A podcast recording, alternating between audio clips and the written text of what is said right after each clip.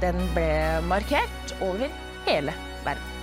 Togene var rekordlange flere steder, og i Oslo deltok mellom 10 og 15 000 mennesker. I dag er den internasjonale kvinnedagen, men hva betyr egentlig det? Alle mennesker er verdt det samme. Selv om man er fattig, rik eller ja. Så man er ikke verdt noe mer, så menn er ikke verdt noe mer enn kvinner, på en måte. Alle kontinenters kvinner eh, gratuleres med eh, kvinnedag i dag. Hei til alle dere ute. Det er en nydelig Oslo-været i dag, og gratulerer masse med kvinnedagen. Vi i Radio Novas feministiske radioprogram Et eget rom vi kjører på med en 8. mars spesial den kommende timen. Og kan lage både parolesnakk, litt feiring og litt sånne aktuelle diskusjoner. Og litt sånn god stemning er jo målet. For det er jo en, en glad dag, er det ikke det? Det er det. Ja. Ja. Feiring også. ja. Vi, er, eh, vi er fire stykker i studio. Litt ekstra mange for eh, festdagens eh, anledning. Sofia Fischer, Synnøve Berg Meisenseth, Linda Therese Rosenberg og jeg, Eline Hystad. Og tekniker Edvard Frudli Moen. Vi skal alle sammen være med den neste timen. Og vi kan jo begynne Kan vi ikke begynne sånn rolig og fint og gøy? Hva er det dere egentlig syns er best med 8. mars? Det er et utrolig vanskelig spørsmål, Ja. egentlig. Hva som er best? Vi våkna med litt sånn 17. mai-følelse i dag. ja, det er sånn- sant. Ja, Man det er får litt 17. mai-følelse. Nesten litt sånn rød dag. Ja. Jeg tror det er litt det her gemenskapen, at alle liksom går sammen og er sånn Ja, 17. mai Eller 17. mai, herregud. 8. mars! Det rimmer det også. Men det er Og sånn, er sånn Ja, nå skal vi gjøre dette sammen, og det skal En liten kampmodus. Ja. Mm. Jeg tror det er liksom følelsen av eh, 8. mars som, som er best, på noe sett. Ja, for det er, det er litt gøy med den stemninga som man Ja. får. Og jeg vet ikke hvorfor man får det, for det er jo men kanskje fordi alle snakker om det, på en måte. Sånn som på sosiale medier og i alle aviser og sånn, så har du masse kronikker om tema fra alle mulige vinkler, da.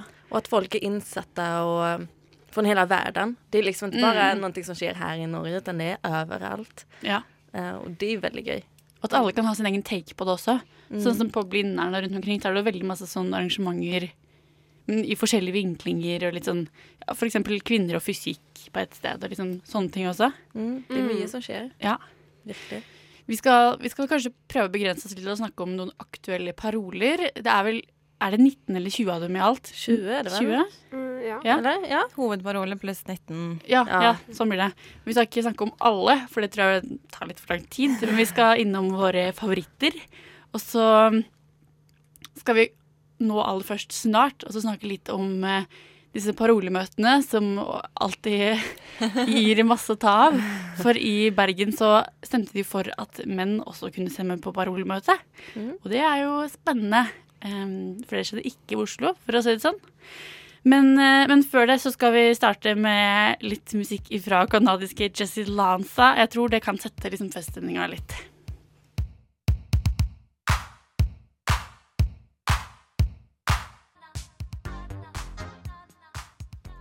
Det er nesten litt sånn der 80-tallsaktig, er det ikke det? Jesse Lanza. Uh, never enough, selv om det høres ut som hun synger not enough på slutten. Så jeg får så lyst til å si det. Vi feirer kvinnedag på Radionova i dag, og det er jo mange kontroverser rundt de her parolebøttene hvert år, virker det som. Og en av de kontroversene som har vært i år, har vært i Bergen. Um, jeg regner med at ingen av oss var på parolemøte i Bergen. Ingen Nei. av oss var i Bergen. Nei. Nei. kjenner noen som var det, da. Ja. Ja, for det som skjedde der var jo at i begynnelsen så ble det liksom stilt spørsmål rundt hvem som hadde stemmerett på møtet. Um, og da kom det fram at det var kvinner, eller de som definerer seg som kvinner, men ikke menn. Og så uh, ble det grunnlag for at man stemte da over om menn også skulle få stemmerett. Hvor 60 stemmer mot 20 stemte for. Så menn fikk stemmerett på kvinnens parolemøte. Og det ble jo noen sånne heftige kronikkvekslinger i Bergens Tidende annet, hvor eh, mange mente mye. Eh, det ble også f.eks. oppretta en sånn eh, underskriftskampanje mot mannlig stemmerett på parolemøte og sånne ting. Men det er jo en ganske spennende sak, da. Er det ikke det? Det ligger jo ganske mye i en sånn sak. Hva, hva tenker dere? Det er mange som mener at nå er kvinnekampen død. Nå når Ja. menn på en måte har fått tatt eh, Eller fått så stor makt, da, i gåseøyne, over litt bestemmelsesrett over hva, hva er kvinnekamp? Er ikke det lenger opp til kvinner å bestemme? På en måte? Er det mange som mener det? Ja, det er mange som mener det. Jeg vil jo tenke litt sånn at man går ut og sier at vi må få med menn. Og alle vet at hvis ikke man får med menn på laget, så skjer det ingenting. Fordi menn er jo tross alt halve samfunnet, og i mange sammenhenger det, det store problemet. Og så skal man da nekte dem stemmerett fordi det er en kvinnedag. Jeg syns det er litt sånn mot uh, Det er noen motsetninger her. Men samtidig så skjønner jeg jo at mange kvinner ønsker at kvinnedagen skal være kvinnenes Den skal de bestemme over. Men det man kanskje ikke har snakket så mye om, som også er litt av det problemet her, det er jo at uh, det er ofte en veldig sterk venstreside som snakker veldig høyt, og som har mye av definisjonsmakten. Egentlig på vegne av hele den norske kvinnebevegelsen. Og så er det jo kanskje noen som er mer liberale eller konservative, som også har lyst til å bruke kvinnedagen, men som ikke når frem fordi at de er i mindretall. Og jeg tenker at hvis du er mann og er med på et parolemøte, da er du som oftest Eller jeg vil tenke at da er du på venstresiden. Da deler du venstrefeminismens perspektiver og syn. Så hvis man er redd for at mannen skal definere feil eller si ting man er uenig i, så er det kanskje større sannsynlighet for at det er folk fra høyre eller venstre da, som er mer uenig hvis man representerer SV eller Rødt, f.eks. Ja, det er en spennende tanke. Ja, for det tenker jeg også litt på at just når det er de her problemmøtene, så er det veldig mye det er, det är vita kvinnor på venstresiden.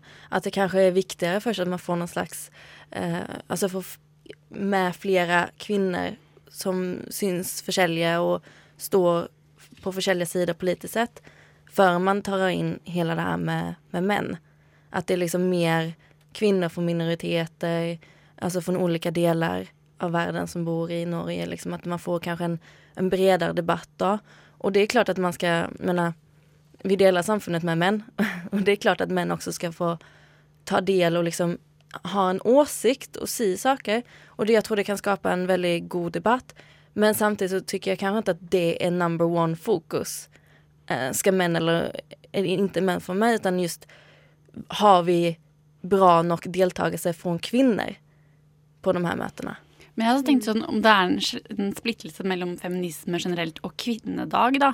Fordi vi, når vi snakker om feminisme i et eget rom, så har vi jo sånn brei som mulig vinkling. Og da tenker vi på det som likestilling, liksom. Altså feminisme er lik likestilling, og det er også like mye mannssaker som kvinnesaker i de tilfellene der menn ikke er likestilt, tenker jeg. Men det her er jo en kvinnedag, da. Er det da kanskje ikke en feminismedag i så bred forstand, men snevrere? At det bare skal handle om kvinner? Det spørs jo hva man legger i feminisme, da. Ja. Vi legger jo i, som du sier, likestilling om det er menn som undertrykker eller kvinner, så ja. Mens eh, andre er jo mer opptatt av måte, pure kvinnekamp. Det er det som må kjempes, og det er det man også legger i 8. mars. da, Det er kvinnedagen, ikke sant? Ja, jeg kan holde med at det er mer en kvinnodag. Inte en feministdag på noe sett. Även om självklart feminismen er en utrolig stor del for det liksom har jo vært vinnelsen for hele, hele prosessen. liksom. Men det er liksom en, en kvinnodag. Men absolutt at man skal, man skal høre på män. Men, og och visst nu Bergen väljer att ha män med på sina problemöten och för att de har stämt igenom det. Då syns jag det är helt riktigt. För då har ju ändå kvinnor varit med och stämt och sagt ja men vi vill ha med män. Och då tycker inte jag att andra människor eller andra delar av Norge på något har, har rätt att gå in och säga att det är fel. För det är kvinnor som har gått samman och stämt för att de ska få vara med. Och då är man ju otroligt kritisk och fördomsfull mot de kvinnorna som faktiskt har stämt för detta. Og det syns ikke jeg er greit alls. Ja, det er et godt poeng. Det er jo et veldig sånn demokratisk valg. Det var jo bare sånn Det var rundt altså åtte til tolv menn i salen, så det er jo i hvert fall 50 kvinner som har stemt for. Liksom. Det er sånn at, det er ikke sånn at det kom 70 menn og stemte for mannlig stemmerett. For det hadde altså, kanskje vært litt mer det hadde, jo, det hadde jo vært et problem om man skulle ha en kvinnedag der liksom 90% av alle de som stemmer, er män. Då blir det inte mycket till kvinnodag. Men det handlar ju om män som är otroligt insatta i kvinnodagen och vill vara med och hjälpa till och vara delaktig och liksom ge sin stötte. Det, är ju- det är ju de typer män som är delaktiga i detta. Uh, och det måste man jo också tänka på vad det är för slags män som faktiskt har, har til att stämma. Og de her endrer seg jo alltid hele tiden. Så da tenker jeg kvinnedagen er jo superfleksibel, og Ja. eh, det skjer jo hele tiden nye ting etter hva som er aktuelt. Da fikk vi litt plass til 8. mars parolemøtekontroverser i år også. Alltid kjekt å snakke litt om. Vi skal eh, gå gjennom parolen nå snart, men først så skal vi ha litt eh, svensk punk fra Agent Blå. Frustrerad. Agent Blå og Frustrerad hørte du der. Og et eget rom. Vi har en eh, 8. mars-feire spesial i dag. Og har nå tenkt å gå litt sånn gjennom parolene, da. For å se hva som egentlig er der. Og vi, det er liksom mest ryddig å begynne med hoved-hovedparolen. Og bare for å ha det på det reine, så er det altså én hoved-hovedparole. Et- Det er liksom krøkkete, det der. De må ha kjørt seg opp et hjørne på et eller annet tidspunkt, fordi de så er det altså 19 underparoler under hoved-hovedparolen, som også er hovedparoler, men ikke hoved-hoved. Ja. Og så Sånn, kan folk, som vi snakka om, ta med egne Ja. ja komme med Under egne. det. Ja, under det igjen. Ja. Men hoved-hovedparolen i år, da, det er eh, kamp mot vold og voldtekt. eh, Rettssikkerhet for kvinner. Mm. Ja, det er jo egentlig en veldig eh, universal sak. Jeg tenker det er en kamp man må kjempe verden over, egentlig. Veldig relevant overalt. Um, og så tenker jeg litt det at kanskje folk glemmer eller undervurderer viktigheten av det i Norge, da. Um, men dessverre så viser jo både enkeltsaker og statistikk og alt mulig at det fortsatt er veldig relevant i Norge. Og ja, se på rettssikkerheten til kvinner, f.eks. i voldtektssaker. Det er veldig mye diskutert. Hvorfor er det så få kvinner som faktisk anmelder? Hvorfor er det så mange Eller hvorfor er det så få uh, dommer eller saker som ender med dom?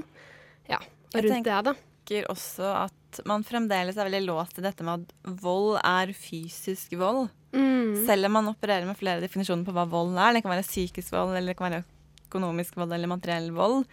At man fremdeles i 2017 må snakke mer om hva er egentlig vold mot kvinner. Mm. Så ikke man låser seg fast i den fysiske volden og slagene og voldtekten. Ja, det er helt sant. Det er vel også spesielt etter den her eh, Hemsedal-saken at den parolen her er blitt aktuell, da, sånn som jeg har forstått det. Mm. At de, man har tenkt at den kampen her er veldig viktig å ta fortsatt, og det virker som om det er en, en del som ikke er helt på stell her. Men jeg føler at det er en kamp som vi har holdt på med i alle år og der, altså. Og jeg føler at vi kommer liksom ikke noenstans riktig med det. At det tar så lang tid. Og man står og stanker litt Ja, i veggen virkelig, og liksom. Og det, det, altså, det er jo helt, helt på trynet liksom, når man tenker efter at vi fortfarande snakker om det. At det fortfarande er så at kvinner liksom ikke anmelder, at det ikke blir tatt på alvor. Alltså det, Det- ja. Voldtektssaker, det, alltså, det er så helt sykt egentlig.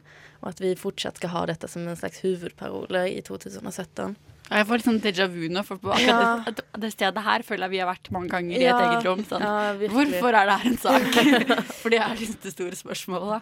Men det er jo rart. Ja, Det jeg tenker sjokkerer mest også, er jo på en måte hvordan rettssystemet svikter. At ikke det fungerer engang. At ikke det kan sikre kvinner.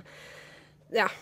Ja, men det viser den Andrea-saken. Dette med, Da kom det masse rapporter, og folk mente mye. Men det som da virkelig kom frem, det var jo det at uh, når folk flest skal dømme noen, så er det litt vanskelig å dømme en uh, ung, stakkars fyr som har begått en liten feil. ja. Eh, så det er lettere å bare velte der over på kvinnen. om at men hun, hun var sikkert delaktig, hun var jo full. Mm. Ja, Det ligger jo veldig tydelig i hoved, hovedparolen også, det er at det er rettssikkerheten. Det er Ja, ikke er bare akkurat stopp vold. Som er altså, det er ikke vold og voldtekt som bare er problemet, men også rettssikkerheten. Mm. Og det, det er jo kanskje fint at man spisser det mot det også, da. Mm. Fordi det er jo ikke noe hvis, man, hvis rettssystemet ikke fungerer, så viser man jo ikke at man tar det på alvor heller, tenker jeg. Da har man også noe konkret å jobbe mot. Altså noe som kan løse noe av problemet, i hvert fall. Det er Ja, ikke bare altså- holdninger og Virkelig. Det er jo noe som måtte blir prioritert.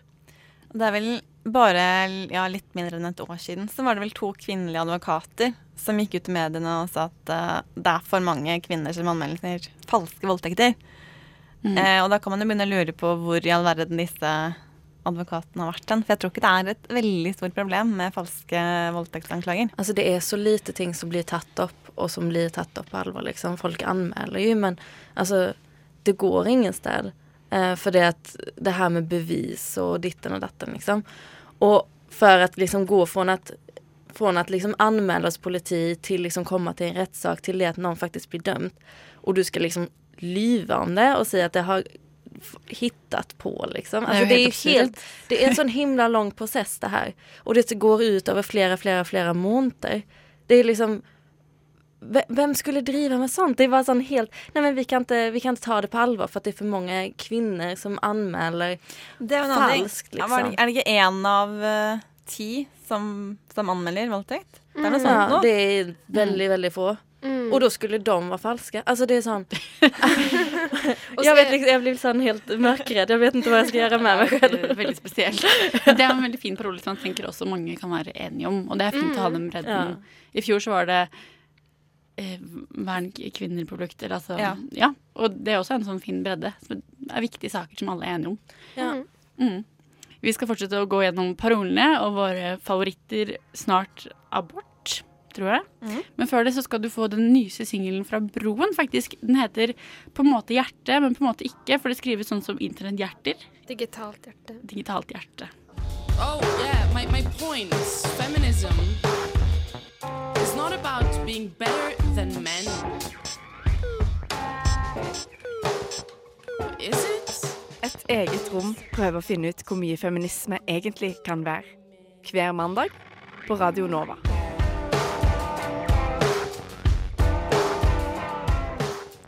Vanligvis gjør vi det hver mandag, men i dag så er det en liten 8. mars spesial. Så i dag så er det en onsdag. Og vi, vi går liksom gjennom parolene og har fått velge oss en favoritt hver. Og vi har hørt uh, Synnøve sin hoved-hovedparole-favoritt. Og nå har vi kommet til en abort. En abortparole. si. Ja. Linda? Eh, jeg tenkte hva er en festdag uten litt dyster statistikk? Ja, jeg har funnet frem det. Eh, det dør en kvinne hvert tolvte minutt fra komplikasjoner i forbindelse med farlige aborter i verden. Eh, 44 000 dør av slike usikre aborter. Syv millioner blir behandlet for komplikasjoner. Eh, og komplikasjoner under graviditet eller fødsel er den nest største årsaken til at kvinner i alderen 15 til 19 år dør på verdensbasis. Eh, det er ca. 3 millioner usikre aborter som gjennomføres av like unge jenter, altså 15 til 19 år. Eh, og til og med i India, hvor det er lov å ta abort, så dør det en kvinne av en usikker abort hver andre time pga. stigma og mangel på, kun, eh, på kunnskap om at man kan gjøre det lovlig, og hvor man kan gjøre det. Så det er ganske dystre tall. Og det her må man kjempe for. Og det har ikke gjort verden bedre at uh, den nye amerikanske presidenten har gjeninnført en regel, uh, The Mexico City Policy. Eh, som, og den går litt sånn Når det er en republikansk president, så tar de den tilbake, og så kommer det en demokrat, demokrat og så forsvinner den. Eh, og sånn har det gått den frem og tilbake i ganske mange år. Men den sier at eh, USA, altså staten USA, ikke kan støtte ikke-statlige organisasjoner som hjelper kvinner med informasjon, rådgivning eller ved å utføre aborter i verden. Altså helseorganisasjoner som jobber stort sett frivillig.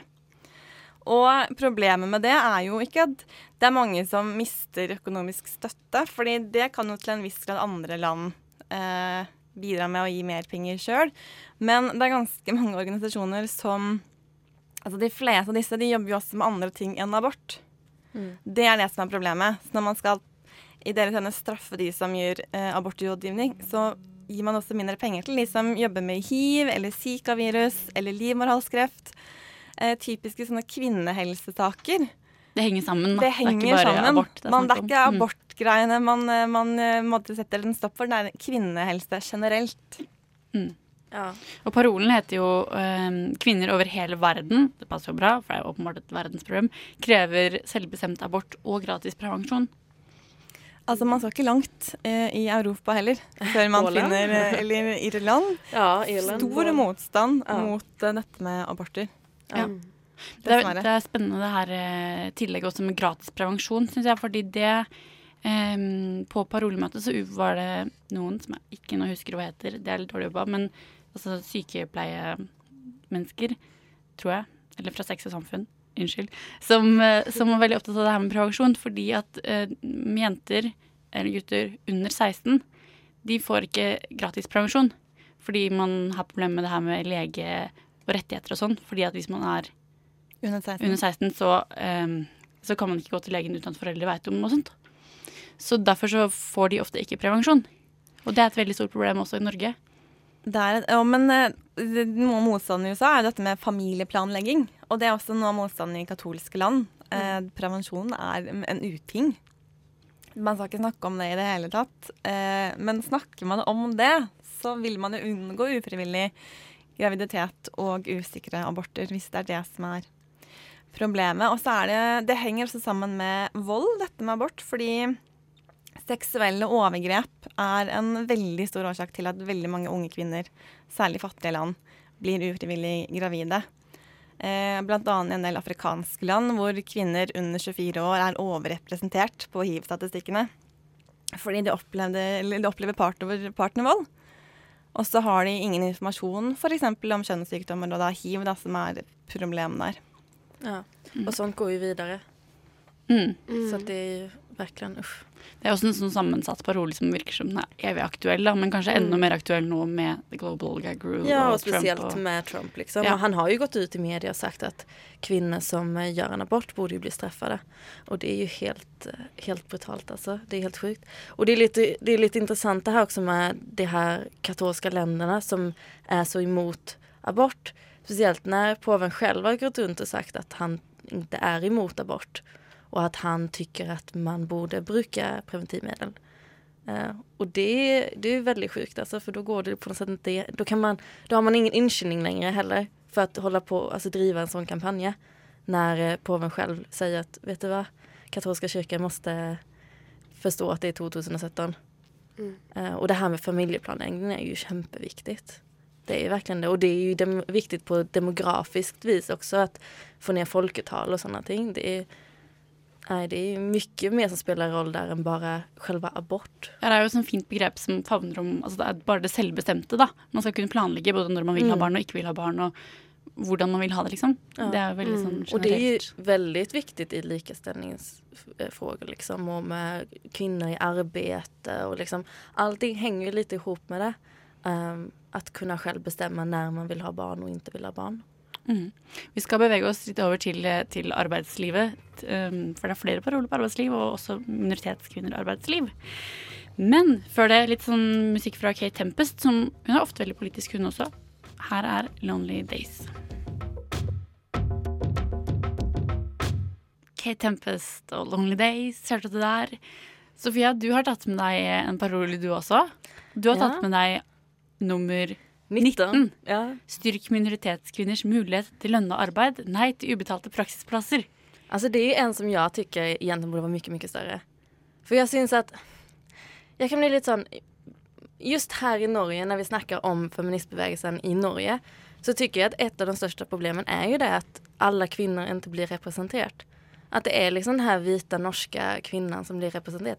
Og det er et jätteproblem. Alltså, för, alltså jag syns bare det er sån, vi måste, vi måste liksom få på något sätt likaställning innanför könen innan vi kan få det liksom mellan könen. Eller kanske samman. Eh, så för mig så, jag syns det här är bara någonting vi borde diskutera mycket, mycket mer.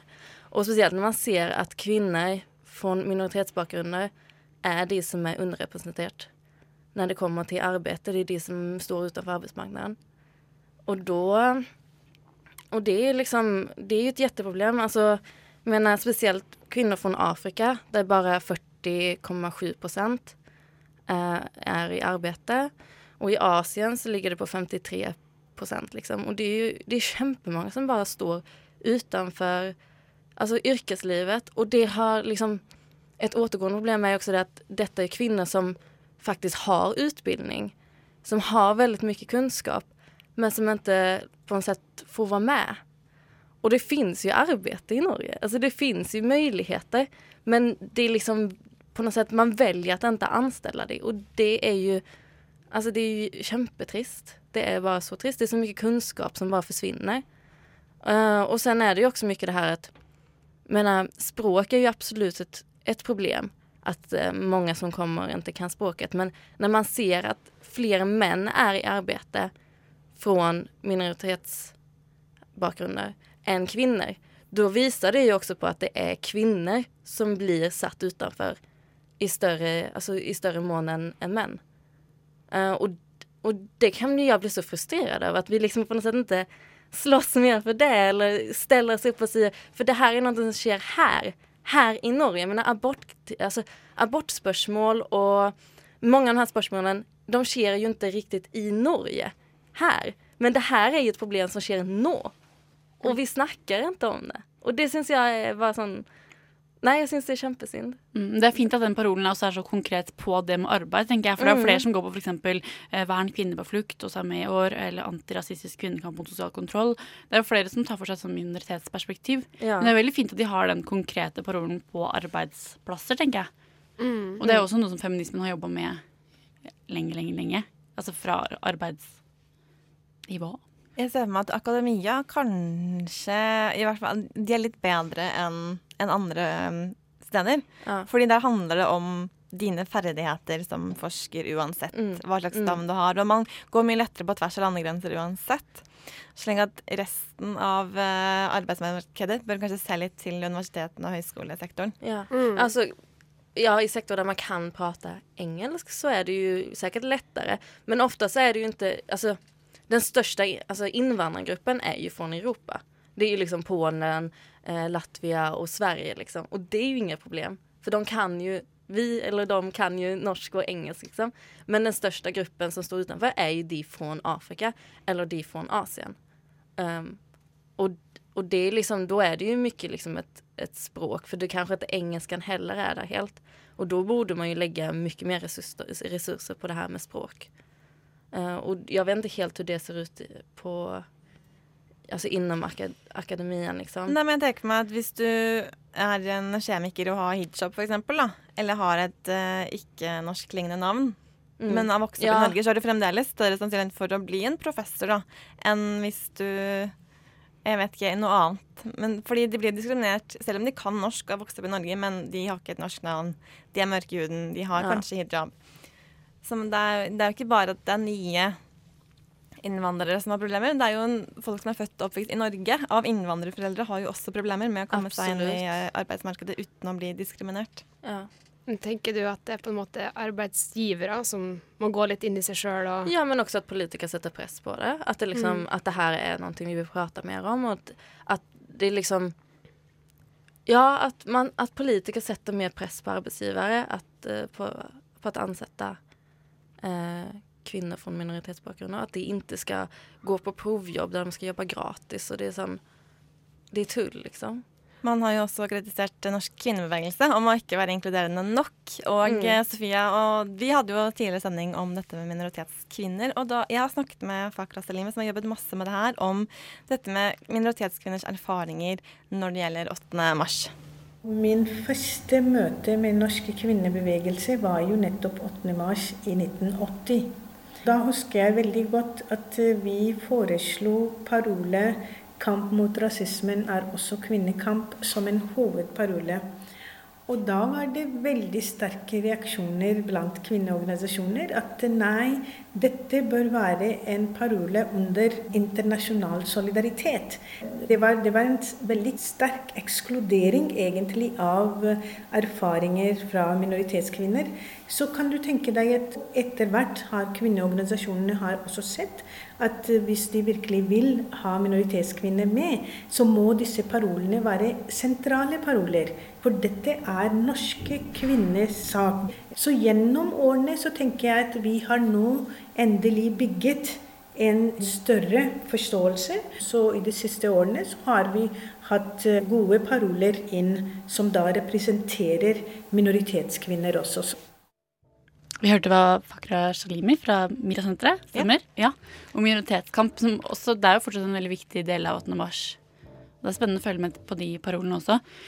Vi skal fortsette litt med arbeiderperspektivet, men eh, i mellomtida før det Myra og Hold On.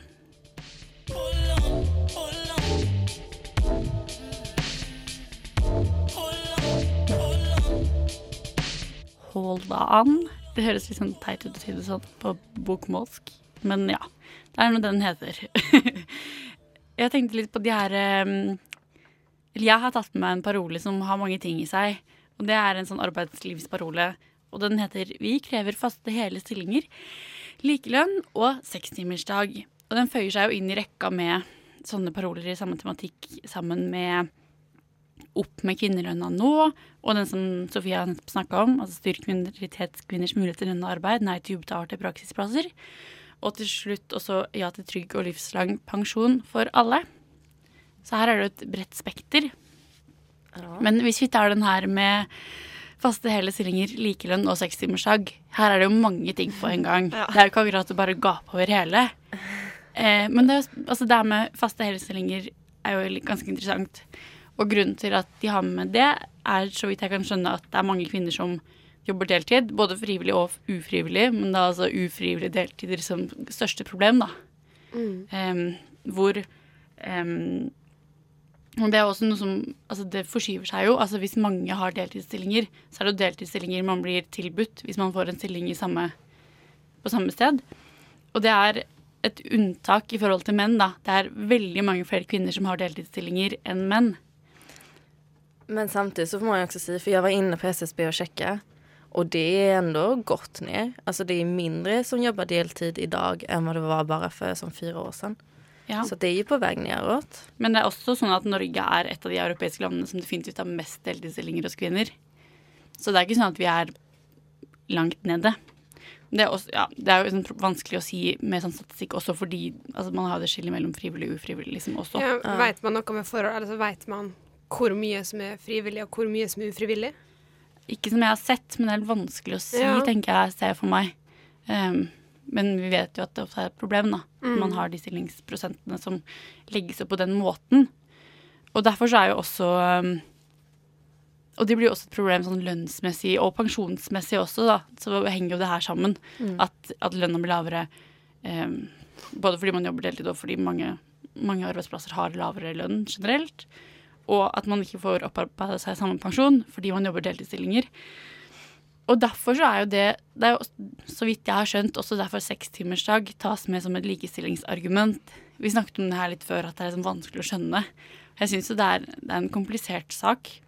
Og det er nok ikke kanskje den saken som har breiest oppslutning i feministbevegelsen, tror jeg. Men det handler jo om at man vil ha seks timers arbeidsdag, rett og slett, istedenfor sju og en halv. Ja. Ja, eller, de, eller de skal ha seks arbeidstimer, eller skal de ha da fem og en halv, eller hvordan Det var et annet Ja, det blir sikkert Jeg tenker for i stedet for åtte timer bruker man säga. Jag vet sex timmars arbetsdag istället för åtta timmars. Så Ja. jeg tenker at det blir fem og en halv Ja, det gir liksom. mening Ja. det. Ja. For likestillingsargumentet der er jo, så vidt jeg har skjønt, at, at det kan være en måte å regulere lønna på, sånn at den blir lik, da. Eh, at man får likelønn, som da er noen andre ledd til denne parolen. Fordi, fordi at hvis man tar sånn gjennomsnitt av, av kvinne, kvinnelønner Kvinn, det er utrolig dårlig ord. Eh, men så blir det omtrent en sekstimersdag, da. Av stillinger. Så hvis man, man eh, gjør sånn at menn også jobber seks timer, så vil man jevne ut. Og også jevne ut lønninger. Men noe av det problemet er jo at eh, veldig sånn mannsdominerte yrker veldig ofte tjener mer enn kvinnedominerte yrker. Uansett om man jobber deltid eller fulltid. Jeg ville tenkt at kanskje man må jobbe mer der. Ja, ja det er jo, det er jo ett et reguleringstiltak av flere, tenker jeg. Det bør jo være det, i hvert fall. Um, mm. Men i hvert fall det her med, med deltidsstillinger og, og eh, likelønn er jo saker som alltid er med, og veldig viktige. I hvert fall det her med likelønn er noe som Ja, det snakkes jo alltid om, liksom. Ehm, det er jo litt interessant det her med sekstimersdag også, syns jeg. Det er, det er jo noe som altså Mange er veldig opptatt av det. Jeg tror det kommer til å bli mye mer aktuelt nå videre også, fordi det skal tas opp mer og snakkes mer om. Så det blir spennende å se hva som skjer, kanskje. Ja. Jeg synes jo det, er, det er litt overraskende at de har fått plass i toget. Fordi det er sånn som man kanskje kunne tenkt at ble borte, men det har blitt med. Og det er også fint med de her parolene, tenker jeg, som, som er sånn klassikere. Vi nærmer oss jo egentlig slutten på parolepratet. Em, vi må jo snart gå for å rekke toget om tre timer. men eh, du skal få 'Feathery' av Thea Hjelmeland her nå. Du som er sliten og sinna og lei. Nå vil vi synge ei vise til deg om at kvinner kan si fra, protestere og slåss. Bli med hos oss. Du hører på Et eget rom. Likestilling kommer ikke av seg selv. Passa ikke den bra, den jingeren der nå? Passa perfekt. Mm. Skikkelig klassisk eh, kvinnesang. ja, de er fine. Men klokka begynner å nærme seg tre nå, og det betyr at vi skal la Rushdie ta over i studio her på Radionova etter hvert. Så det er ikke noen grunn til å skru av radioen, da. Eh, Men vanligvis så sender vi jo på mandager mellom 10 og 11. Eh, Så hvis, hvis du liksom ble litt glad i oss nå, utenfor vår vanlige sendetid, så kan du slå på der og høre mer om feminisme, for det snakker vi om alltid. Eh, Det er det vi liker best å snakke om. Og vi skal f.eks. snakke om hen, eller tredje kjønn, nå neste mandag. Mhm. Du har hørt eh, meg, Eline Hystad, Lina Therese Rosenberg, Sofia Fischer, Synnøve Berg Meisingset Åh, Det er så mange navn i dag. Og tekniker Edvard Brudlimoen. Tusen takk. Um, det gjenstår vel egentlig bare å si liksom Ha en kjempefin kvinnedag, alle sammen. Bli med Uansett, toget. eh, Ja, bli med toget. Det er ikke så skummelt som det høres ut som. Det er ikke så skummelt. Det er veldig og gøy. det er ganske bra damer som eh, skal holde appeller. Ja, det er veldig mye spennende appeller. Fin det- musikk. Ja. Og det er liksom god stemning uansett. Man føler seg ikke Man føler seg ikke dum uansett, tenker jeg. Det, er, det kan ikke bli feil å dra ned til Youngstorget en liten tur. Det kan ikke bli feil. Nei. En fin anledning til å lære noe også, Ja. som en ikke kan så mye. Da har vi i hvert fall argumentert for fire paroler, som kan være ganske greie å gå under. Ja. Og det er jo mange flere der ute også, så det er jo bare å gå inn på Og så kan jeg minne om at du kan lage din egen. Så lenge Ja. den ikke motsier hovedparolene, så kan du lage din egen hvis du har en kampsak, og ta den med deg.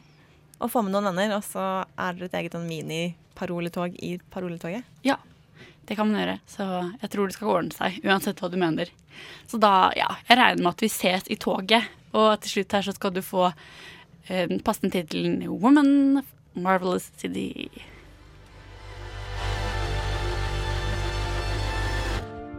There's a marvelous city in my dreams. I should go